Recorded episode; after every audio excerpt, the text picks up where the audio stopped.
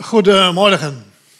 Het is fijn om vanmorgen bij u te mogen zijn en het woord van God te mogen openen en met elkaar te gaan onderzoeken wat de Heer ons daarin wil vertellen. Het thema van deze morgen is de herder van Israël.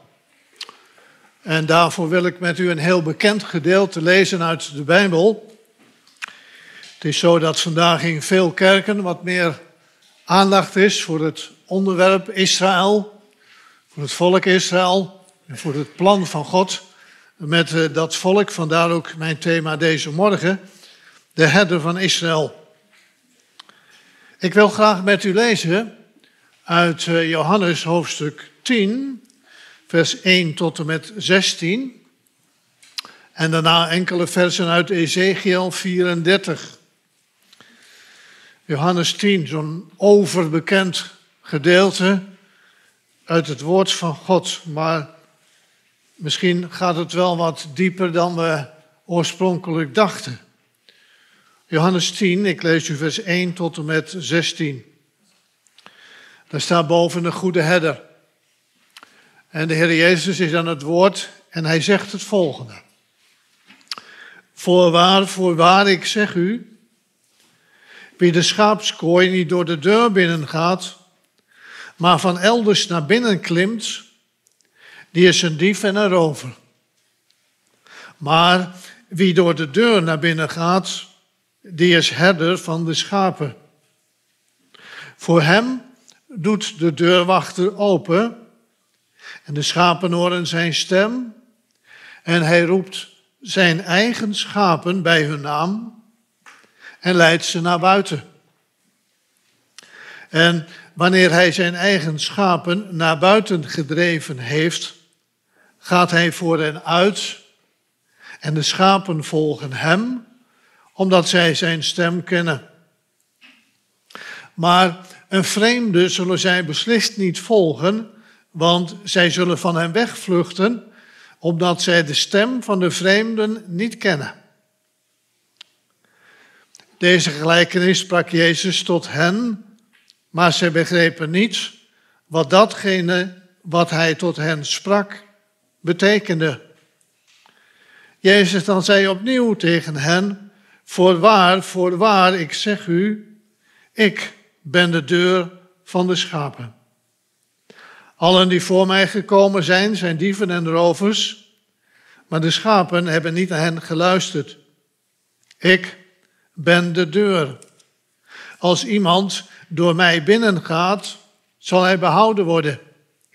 En hij zal ingaan en uitgaan en weide vinden.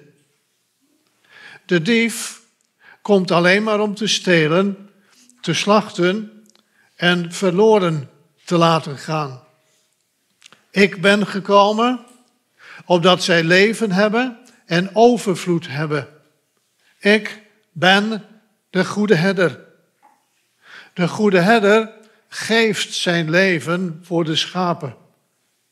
Maar de huurling, en wie geen herder is, die de schapen niet tot eigendom heeft, ziet de wolf komen en laat de schapen in de steek en vlucht.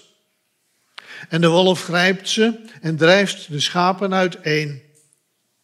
En de huurling vlucht omdat hij een huurling is en zich niet om de schapen bekommert.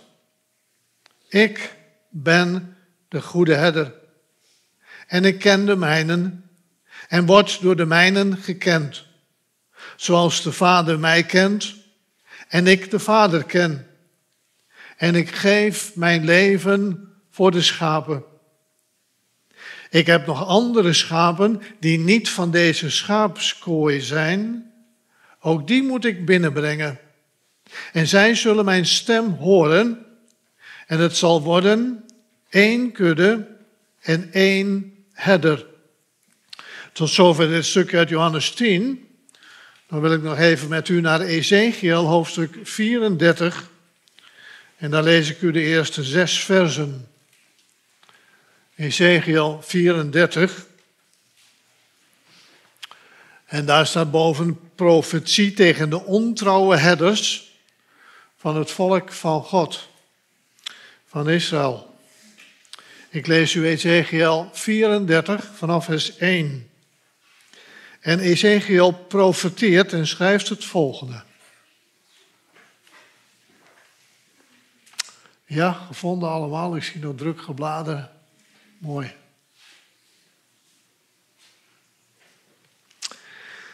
Het woord van de Heere kwam tot mij. Mensenkind, profeteer tegen de herders van Israël. Profeteer en zeg tegen hen, tegen die herders, zo zegt de Heere, Heere. Wee de herders van Israël, die zichzelf wijden. Moeten de herders niet de schapen wijden? U eet het beste op en u kleedt u met de wol u slacht het vet gemeste, maar de schapen wijdt u niet. Het zwakke versterkt u niet. Het zieke geneest u niet. Het gebrokene verbindt u niet. Het afgedwaalde brengt u niet terug. En het verlorene zoekt u niet. Maar u heerst met geweld en met harde hand over hen. Ze zijn overal verspreid zonder herder. En ze zijn alle dieren van het veld tot voedsel geworden. Ze zijn verspreid. Mijn schapen dwalen rond op alle bergen en op elke hoge heuvel. Over heel het aardoppervlak zijn mijn schapen verspreid.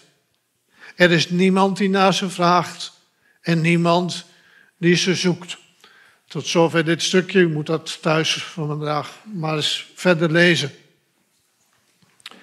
Broeders en zusters, gemeente van de Heer Jezus Christus en ook eh, gasten in ons midden. Mijn moeder, die was nogal van de kinderliedjes vroeger. En als je s'avonds naar bed bracht en we gingen de trap op naar boven, dan zong ze dat liedje van deze vuist op deze vuist. En zo gaan wij naar boven. Ik weet niet of u dat nog kent, of de moeders dat nog zingen tegenwoordig. En als we dan ja, de pyjama aan hadden en onder de wol gekropen waren, dan zong ze vaak nog een liedje. Dan zong ze, Jezus is de goede herder. Jezus, hij is overal. Jezus is de goede herder, brengt mij veilig naar de stal. En dat was geweldig. Dat was een geweldig lied om dat zo te zingen met haar. Een lied dat spreekt van geloof, van vertrouwen in de Heer Jezus Christus. Dat spreekt van rust en gerustheid. Zo van, geef je maar aan Hem over, vertrouw maar op Hem. Het komt allemaal goed. Een prachtig kinderlied dat ze dan zongen. En dan was je niet bang. Dan ging je met een heel gerust hart ging je slapen. Met hem in je gedachten en met dat beeld voor ogen. Een beter lied kon je niet mee in slaap vallen, denk ik. Jezus is de goede herder. En dat is volkomen waarheid. Dat is evangelie. Dat is goede boodschap. Want de Heer Jezus Christus is de goede herder. Toch als we dat lied zingen en dat vergelijken met datgene wat we gelezen hebben in Johannes 10, dan valt iets op aan de inhoud. En dan valt het op dat dat liedje iets anders is dan wat wij net gelezen hebben. Wij hebben gelezen, Jezus brengt ons veilig in de stal.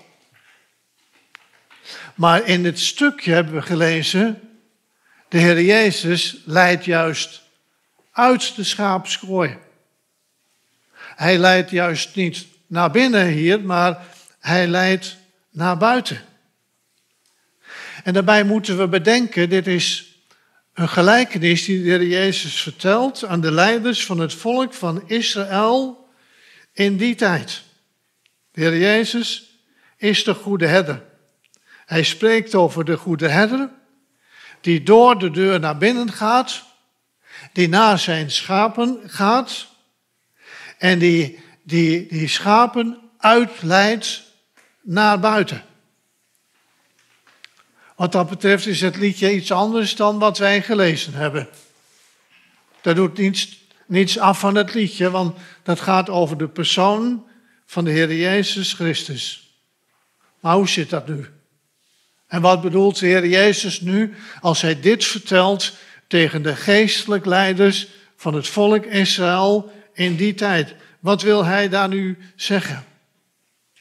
Wel, om daar iets meer van te begrijpen, moeten we eigenlijk terug naar hoofdstuk 9, naar Johannes 9 hiervoor. En we gaan dat niet helemaal meer met elkaar lezen, dat wordt nu te veel. Dat gaat over de genezing van die blindgeborene. De Heer Jezus ziet in het voorbijgaan, staat daar dan, een man zitten en die is vanaf zijn geboorte blind. En de discipelen vragen hem dan, heren, komt dit nou door de zonde van die man? Want dat was de visie van velen in die tijd. Als je ziek was, als je ernstig ziek was, dan, nou, dan had je wel gezondigd. Dan, van sommigen is dat nog steeds de visie. En dat werd toen ook zo gepredikt en gebracht. Dan, dat kwam wel door de zonde. Het was dan toch wel een straf van God omdat je gezondigd had. Vele dachten zo. Ook de fariseeën en de schriftgeleerden, die leerden dat. Maar de Heer Jezus zegt iets heel anders. Hij zegt in hoofdstuk 9, vers 3, hij zegt nee, dit is opdat de werken van God in hem geopenbaard worden. Opdat hierdoor dus God geëerd wordt. Vervolgens genast de Heer Jezus deze man. En hij toonde zich aan de, aan de fariseeën, dat moest in die tijd. En als je dan genezen was, dan mocht je weer in de tempel komen. Dan mocht je weer daar verschijnen. Maar de fariseeën accepteerden het werk van de persoon van de Heer Jezus Christus helemaal niet. Ze keken wel naar die man, maar ze geloofden niet in Jezus. Ze geloofden niet dat hij de Messias was. Ze geloofden niet dat hij degene was die, die Ezekiel en die vele andere profeten hadden geprofeteerd. En dat hij degene was waar ze altijd op gewacht hebben. Nee, een tegendeel. In hoofdstuk 9, vers 16, dan zeggen ze, en dan gaat het over de Heer Jezus, deze mens is niet van God, want hij neemt de Sabbat niet in acht. Hij is een zondig mens. Zo dachten ze over de Heer Jezus. En zo spraken ze tot hem. En vervolgens scholden ze die man uit die genezen was. En ze schopten hem uit de tempel. Weg jij. Uh, we geloven hier eigenlijk niks van. We moeten daar niets van hebben. En de Heer Jezus heeft dat gehoord. En de Heer Jezus zoekt dan deze man op en die stelt hem die geloofsvraag. Hoofdstuk 9, vers 35. En de Heer Jezus zegt tegen deze man, gelooft u, geloof jij in de Zoon van God? Geloof jij in de Heer Jezus Christus, de Zoon van God? En hij antwoordt die geweldige woorden en hij zegt dan, ik geloof, Heere. Hij beleidt zijn geloof en hij erkent de Heer Jezus Christus. En dan vertelt de Heer Jezus deze gelijkenis aan, aan de geestelijk leiders van die tijd. Aan die mensen die zichzelf zoeken goede herders vinden. Die zelf denken en die zelf vinden dat ze het allemaal zo goed doen. Laten we nu even kijken naar wat de Heer Jezus dan zegt tegen hen. In het eerste vers van Johannes 10 gaat het over die schaapskooi. Een schaapskooi was een ommuurde ruimte, een buitenruimte, waarin verschillende herders voor de nacht hun kuddes bij elkaar brachten. En bij de toegang tot die schaapskooi, daar stond dan een, een soort bewaker, een gewapende bewaker, zodat dieven en rovers die schapen niet konden stelen gedurende de nacht. En wie dus wilde stelen, die moest maar zien om op een andere manier binnen te komen, want langs die bewaker kwam je niet. Die schapen waren s'nachts in de schaapskooi. En die schapen die wachten daar tot aan de morgen in de schaapskooi. En s'morgens bij de opkomst van de zon kwam de herder. Dan kwam de echte herder, dan kwam hun eigen herder. En die herder gaat bij de ingang van die schaapskooi staan en die roept ze bij naam, die roept ze. En die schapen, die kenden hem. En dan staat er, die schapen komen en hij leidt ze dan naar buiten. Hij leidt ze in de vrijheid. En de herder gaat voorop en de schapen volgen hem. Die komen achter hem aan. Wat hier gezegd wordt, dat herkenden de mensen natuurlijk heel goed. Ze wisten allemaal dat het zo ging. Ze zagen dat dagelijks, dat was de praktijk van alle dag. En de Heer Jezus vertelt dat in bijzonder in eerste instantie tegen de mensen daar, tegen Israël, tegen de Joden, met name tegen die geestelijk leiders, omdat hij ze iets wil uitleggen. Hij wil ze iets duidelijk maken. De Heer Jezus spreekt tegen hen. En de eerste betekenis van dit gedeelte is ook voor hen, is voor Israël.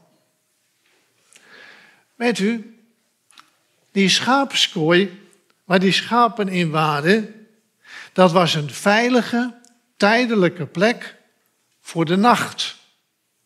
Daar overnachten ze. In afwachting van de herder die zou komen. Daar keken ze naar uit.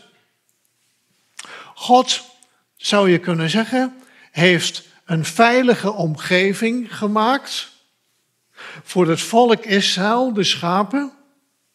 Een omgeving waar ze bescherming genoten tegen dievers, dieven en rovers. En God zei tegen Israël, mensen, als je nu daar binnen blijft, dan is het goed, dan ben je, dan ben je veilig. Luister nu naar mij, luister nu wat ik daarvan zeg. En als je daar binnen blijft, dan is het goed, dan ben je veilig, totdat de herder komt. Totdat de Messias komt. Totdat de Heer Jezus Christus komt. God heeft voor Israël een veilige omgeving gemaakt waar ze konden schuilen. Die omgeving, dat was de wet die ze gegeven hebben. En dat was de offerdienst. Die wijzen allemaal op de komst van de Heer Jezus Christus. Die wijzen allemaal op de Messias voor Israël en op de zaligmaker voor ons. En wat Heer Jezus duidelijk wil maken, hij, hij wil zeggen, mensen die Israël, uh, Joden, leiders, al die dingen, die zijn totdat de Messias komt. Die zijn tot de Heer Jezus Christus. God de Vader wil jullie daarin bewaren totdat de Messias er is. Totdat zijn roep weer klinkt. En totdat hij komt, de goede herder. En als hij kwam, en dat is de profetie, dan zal hij ze uitleiden uit de schaapskooi. En hij zal ze in vrijheid stellen en ze mogen hem volgen. Dat is het beeld wat de Heer Jezus hier schildert en wat hij zegt. Hij zegt, ik ben gekomen om jullie Israël, om je te bevrijden. Ik ben gekomen om je te verlossen. Ik ben gekomen, ik roep je, zodat je daaruit komt en ik stel je in vrijheid. Ik geef je de vrijheid. En, en, en, en ik roep je om mij te volgen. En ik ga voor en jullie mogen mij volgen. Matthäus 11, vers 28 zegt de Heer Jezus, kom naar mij toe. Allen die vermoeid en belast zijn, en ik zal u rust geven. Dat was de uitnodiging van toen aan het volk Israël. En die Messias is gekomen. En de Heer Jezus Christus is gekomen. En hij is gekomen om in de eerste plaats zijn volk Israël uit te leiden en in vrijheid te stellen. Daarvoor is hij gekomen. Dat was zijn eerste roeping. Dat was zijn eerste missie. Toen Johannes de Heer Jezus zag, toen riep hij het uit in hoofdstuk 1, vers 29. Zie het lam van God. Hij zal gewezen hebben, gezegd hebben, zie het lam van God. Hij is het, dat is hem. Zie het lam van God dat de zonde van de wereld wegneemt. Hij is het van wie ik gezegd heb, na mij komt een man die voor mij geworden is, want hij was er eerder dan ik. En ik kende hem niet, maar, zegt hij, opdat aan Israël geopenbaard zou worden, daarom ben ik gekomen om te dopen met het water. Het hele evangelie van Johannes, daarin zegt de Heer Jezus dat steeds weer. Kent u die woorden van ik ben? Die zegt hij steeds weer, ik ben.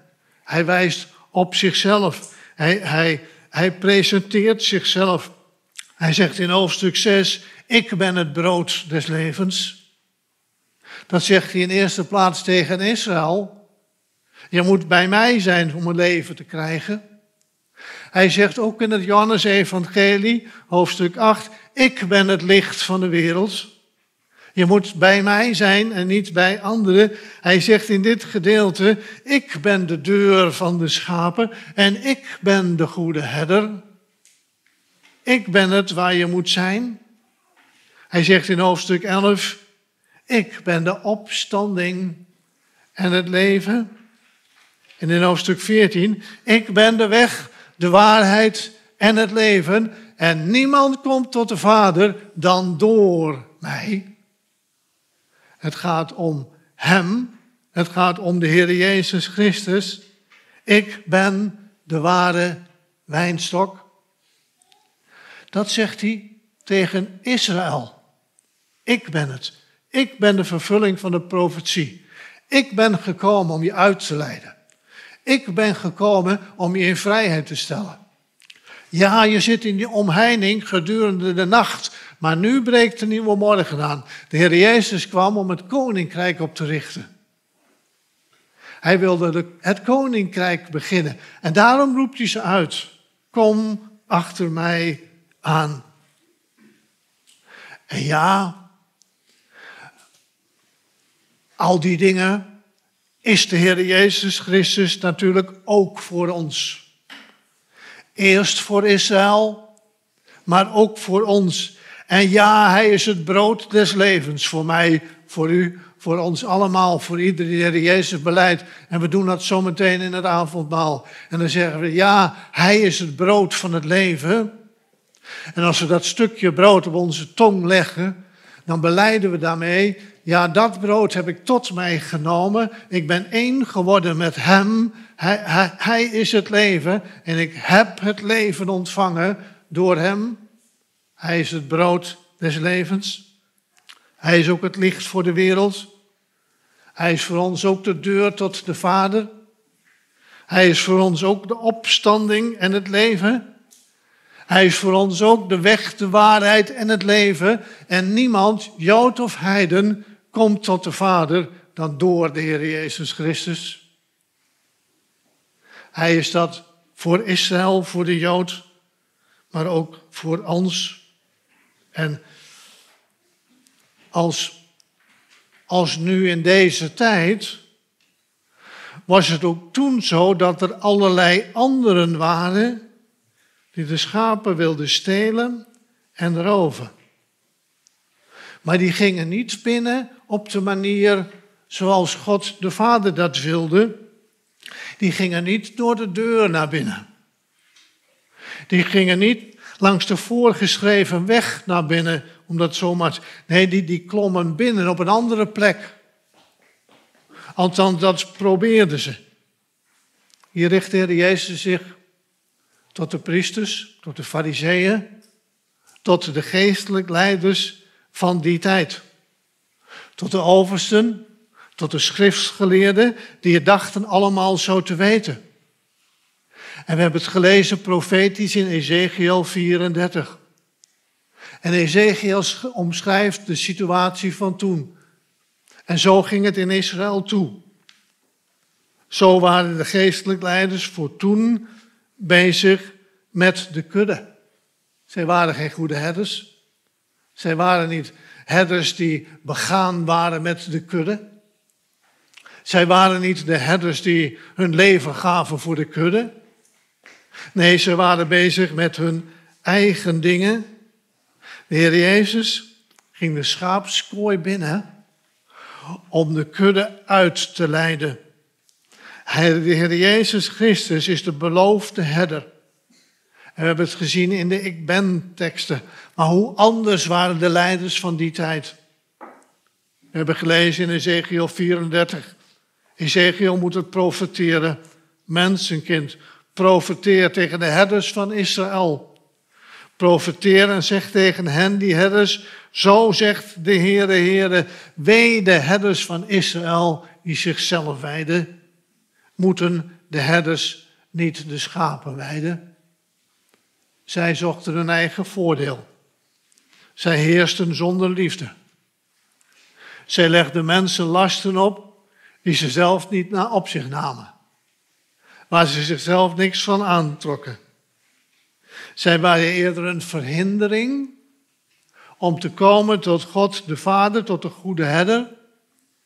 Zij dreven de kudde eerder uiteen dan bij elkaar. Dat is wat Ezekiel zegt.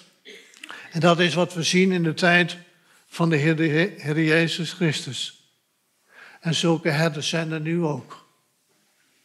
En zulke herders zijn nu ook bezig om, om de kudde, om die uiteen te drijven. En we zien ze overal. We zien ze om ons heen. We zien ze in sommige gemeentes. Ze zijn bezig om de kudde te schaden. En hoe, hoe kunnen we die nou herkennen? Nou, de Heer Jezus zegt het heel duidelijk. In vers 1 zegt hij, die komen niet door de deur binnen. Dat betekent, die beleiden niet de Heer Jezus Christus als de deur. Die beleiden niet de Heer Jezus Christus als enige weg tot zaligheid, als enige weg tot behoud. Vers 2 zegt, wie door de deur komt, die is de herder. Die is een goede herder. Die is ook een goede herder in deze tijd. Wie door de deur komt. Dat betekent wie de Heer Jezus Christus beleidt. Wie, wie de Heer Jezus Christus aanwijst als enige weg tot behoud, tot leven, tot zaligheid. Die is een goede herder. De fariseeën kwamen niet door de deur. Integendeel, ze verwierpen de Heer Jezus Christus. Ze wilden hem niet. Nee, ze klommen over de muur. Ze wilden op een andere plek binnendringen. Ze hadden hun eigen weg buiten de Heer Jezus Christus om. Hoe, hoeveel geestelijk leiders, kerkelijk leiders zijn er nu ook, die een evangelie prediken buiten de Heer Jezus om. En dat is geen evangelie. Want het gaat om de Heer Jezus Christus. Het gaat om Hem alleen. Hoeveel onbekeerde herders zijn er niet in deze tijd? Hoeveel zijn er niet die de naam van de Heer Jezus niet eens noemen? Hoeveel zijn er niet die de Heer Jezus Christus niet eens kennen? Hoeveel valse herders zijn er niet in deze tijd? Wat moet er, wat moet er van de kudde terechtkomen met zulke herders? In die tijd leven we. En we zien het om ons heen. En het is een ernstige zaak. Het is of een blinde blinden moet leiden. In hoofdstuk 9, vers 40, daar zeggen de fariseeën tegen de Heer Jezus, zijn wij soms blind? De vraag stellen is een beantwoorden, denk ik. Ze zeggen, zijn wij soms zo dom dat wij dat niet zien? Zijn wij soms blind? Vers 8 zegt, daar zegt de Heer Jezus, allen die voor mij en na mij gekomen zijn, dat zijn dieven en rovers.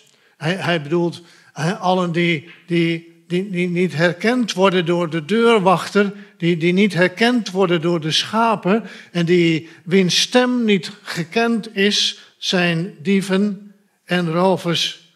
Daaraan kun je de herder kennen. De Heer Jezus is niet zomaar een herder. De Heer Jezus is de herder. Alle andere herders zijn valse herders. Vers 10 zegt, daaraan kunnen we de valse herder herkennen. Zij komen alleen maar om te stelen en te slachten, om te verdelgen en om verloren te laten gaan. Van de Heer Jezus heeft, wordt gezegd, Hij geeft zijn leven voor de vrijheid van de kudde. Hij geeft zaligheid. Hij geeft zichzelf. Een aantal keren staat hier in, in, in dit stukje dat de, de goede herder zijn leven geeft. Dat beleiden we zo meteen ook. Hè? Die goede herder heeft zijn leven gegeven voor Israël en voor mij. En daarom is het een goede herder. En daar herken ik hem aan. En die valse herder die komt alleen maar om te stelen en te slachten. Vers 12 zegt Johannes 10, die valse herder die laat de schapen in de steek. Die is niet trouw. En als de, de wolf komt, dan vlucht die herder. Want staat er, de schapen gaan hem niet ter harte. Nou, de Heer Jezus gaat de schapen zeker ter harte. Hij houdt met heel zijn hart van ieder schaap in die kudde. Ieder mens die hem beleidt. Ieder mens die de Heer Jezus Christus kent. Hij houdt met heel zijn hart. En dat heeft hij bewezen van ieder schaap in die kudde. Er zijn vele herders die de kudde in de steek laten. Die als de wolf komt het hazenpad kiezen. En in vele plaatsen heeft die wolf vrij spel. En op vele plaatsen drijft die wolf de kudde, de schapen, uiteen. En dat gebeurt in Israël. Dat gebeurt ook in gemeentes. Ook in de gemeente van de Heer Jezus Christus. Er zijn wolven die de kudde uiteen drijven. Die daarmee bezig zijn waar het niet gaat om de eer van de Heer Jezus Christus, maar waar het meer gaat om hunzelf. En dat is niet van vandaag of van gisteren. We zien dat al vanaf de Pinksterdag. Dat de gemeente uiteengedreven werd. En uiteindelijk bleek het te zijn tot zegen van de gemeente, want, want het bleek de weg te zijn tot het, uh, de gemeente van Christus, tot verspreiding van zijn woord en van zijn evangelie over deze hele wereld.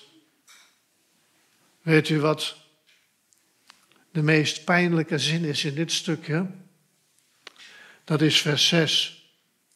Daar staat deze gelijkenis, sprak Jezus tot hen, maar ze begrepen niet wat datgene was dat hij tot hen sprak, wat het betekende.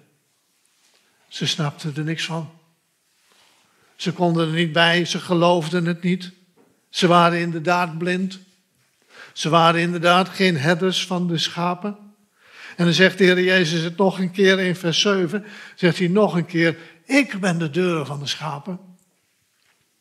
Je moet via mij naar binnen. In, in vers 20, daar zeggen de, de, de leiders van toen, hij, hij is door een demon bezeten.